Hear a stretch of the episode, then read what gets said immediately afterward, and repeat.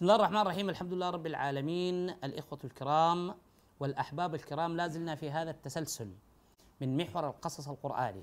وتحدثنا في الحلقة السابقة عن التقاء العبد الصالح مع موسى عليه السلام لتعليمه مما علمه الله. وقلنا أنه هو قدر الله المتكلم جاء ليعلم موسى وعن طريق موسى يعلمنا نحن كيف تجري أقدار الله في الحياة. هل أقدار الله عشوائية؟ أم أنها منظمة؟ أم أنها بنيت على علم؟ وكما ذكرت لكم أن عنوان القدر المتكلم هو رحيم وعليم فعلمناه رحمة من عندنا فأتيناه رحمة من عندنا وعلمناه من لدنا علما. فالأقدار الإلهية بنيت على علم الله على عالم الأمر. ومع ذلك فهي تكمن فيها الرحمة المحض وليس فيها شر. قال له موسى هل هل أتبعك على أن تعلمني مما علمت رشدا؟ ماذا قال القدر المتكلم؟ لم يترك له فرصة ولم يجامله لن تستطيع معي صبرا. دي مشكلة يا جماعة.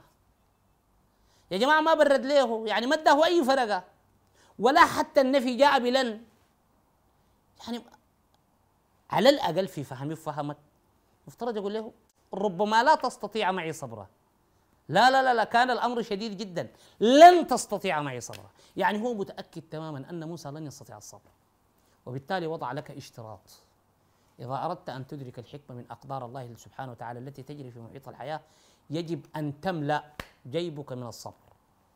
فهم القدر داير صبر رهيب. حتى موسى بعد الاختبار الثالث فشل فيه.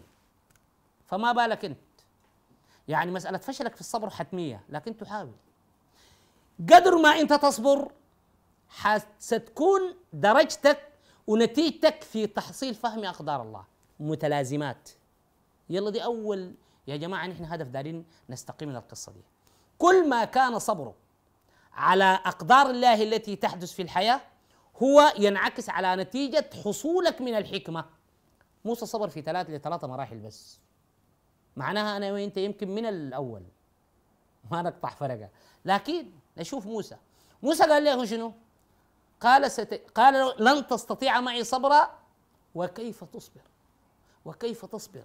على ما لم تحط به خبرة. إذا النفس الإنسانية تحتاج إلى التعليل ومنها يقول لك فلان ده بتاع علل. يا أخي الزول ده علل؟ يعني شنو؟ العلل هي المبررات. النفس الإنسانية بطبيعتها تحب المبررات. يعني لو في أي حد عمل له أي تصرف أنت ما عجبك؟ بتقول لي ليه عملت كده؟ يا زول مالك في شنو؟ ليه عملت كده؟ داير تبرر طوال داير يعللوا ليك عشان كده قال له وكيف تصبر على ما لم تحط به خبرة؟ الحاجة اللي أنت ما عندك خبر ولا تدرك العلل منها ما حتقدر تصبر عليها. ودي طبيعة النفس. موسى قال ستجدنا ستجدني إن شاء الله. شوف قدم المشيئة. مش نحن درسنا ولا تقولن لشيء إني فاعل ذلك غدا إلا أن يشاء الله. بس موسى انتبه. قال يا أخي أنا ححاول. ستجدني إن شاء الله صابرا ولا اعصي لك أمرا. قال إن اتبعتني. يلا ده الشرط الثاني. فلا تسألني عن شيء حتى أحدث لك منه ذكرى. يعني لا تعترض ولا تفترض. حاضر ونعم. بس. الأمر صعب طبعا. أسئلة في حد قال لك أنت طالع معه مشوار وقال لك ما تسألني تقول لي ليه؟ والحاصل شنو؟ مشكلة. فإن اتبعتني فلا تسألني عن شيء. أي حاجة أنا أعملها أنت ما عندك معها موضوع. حتى أحدث لك منه ذكرى. المرحلة الأولى حتى إذا ركبا في السفينة. خرقها. تصرفات عجيبة. خرقها. موسى هنا طوالي طلع من طوره. لأنه شايف هذا التصرف في عالم الشريعة مستنكر ما ينفع. وناس مساكين يعني. أنت تخيل المسألة ما مسألة في خرق السفينة فقط. أذهب وكما ذكرت لكم في المقدمة اركب هذا الجسر وتخيل نفسك في مع أولئك الذين يعبرون في هذه السفينة. وجاء رجل مجهول لا يعرف أحد. اثنين ماشيين ركبوا في السفينة مع جملة الناس. أو مثلا نقول المترو. يعني حد اثنين ركبوا المترو وفي واحد طلع قنبله ولا طلع حاجة وبدأ يكسر في القزاز. مستحيل الناس تسكت. يعني تخيل الحاصل هناك شنو؟ خرقها. موسى قال له أخرقتها لتغرق أهلها؟ الناس في نص الموية يعني في منتصف الأمواج. أخرقتها لتغرق أهلها؟ لقد جئت شيئا إمرا غير مستمرع لا تستمرئه النفوس. يعني تصرفك ده ما مقبول. ماذا قال له القدر المتكلم؟ ولا من غير أي مجاملة. ألم أقل إنك لن تستطيع معي صبرا؟ طوال ذكروا بالشرط الأول.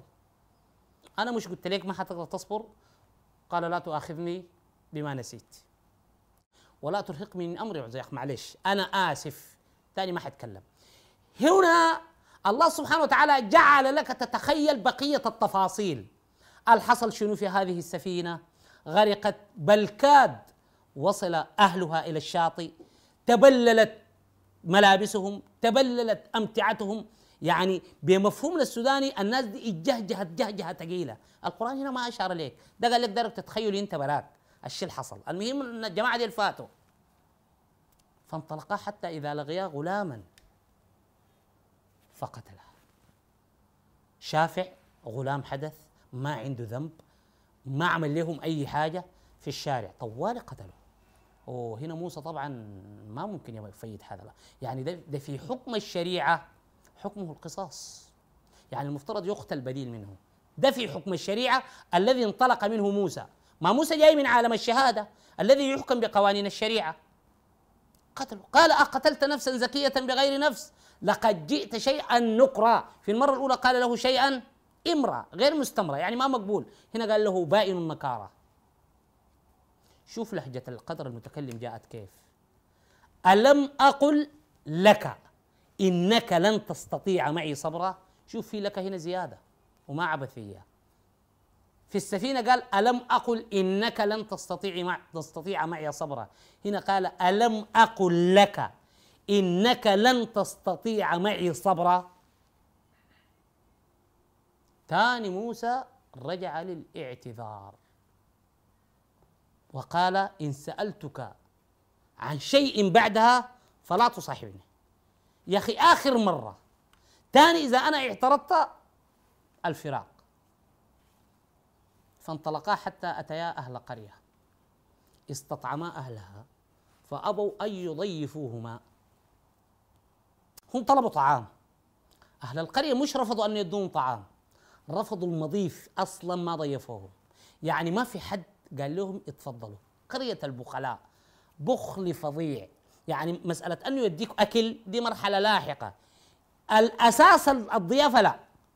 يعني حد قال لهم اتفضلوا والله عاوزين شنو؟ والله مشكلتكم شنو؟ ما في. هنا أنت بتتصور الحالة من التعب والجهد الذي بلغه موسى والجوع. لافوا وطلعوا من السفينة وقتلوا حد وماشيين ودخلوا القرية دي وجوع بدون فطور بدون غدا. وجو أهل القرية دي قرية البخلاء ما في حد. قال لهم اتفضلوا والله تعالوا نعطيكم حاجة. ومع ذلك العبد الصالح قال له تعال أعجن الجالوس ده. دار يشغل طلبة. فوجدا فيها جدارا يريد أن ينقض فاقامه يعني موسى وهو نبي. وجاي من آخر الأرض ودخل قرية وأبوا أن يضيفوه وهو جعان وتجي تشغلني لهم بالمجان. طلبة. فوجدا فيها جدارا يريد أن ينقض فاقامه موسى طبعا لازم ينفذ التوجيهات. قال يا أخي ما في مشكلة لو شئت لاتخذت عليه اجرا. يا أخي على الأقل اذا الناس زي ما أدونا طعام نشيل حقنا نمشي مطعم ناكل. قال هذا فراق بيني وبين يعني يا جماعة القصة دي فيها تفاصيل عجيبة جدا. ما جاملوا قال له يا أخي ثاني أنت اعترضت يا شيخنا. من هنا وكذا نحن ثاني ما حنتلمى هذا فراق بيني وبينك. سأنبئك بتأويل ما لم تستطع عليه صبرا. الحلقة القادمة إن شاء الله سندخل إلى تنبيئات القدر المتكلم لموسى عن الذي لم يستطع عليه صبرا. إلى أن ألتقي بكم أترككم في حفظ الله ورعايته. السلام عليكم ورحمة الله تعالى وبركاته.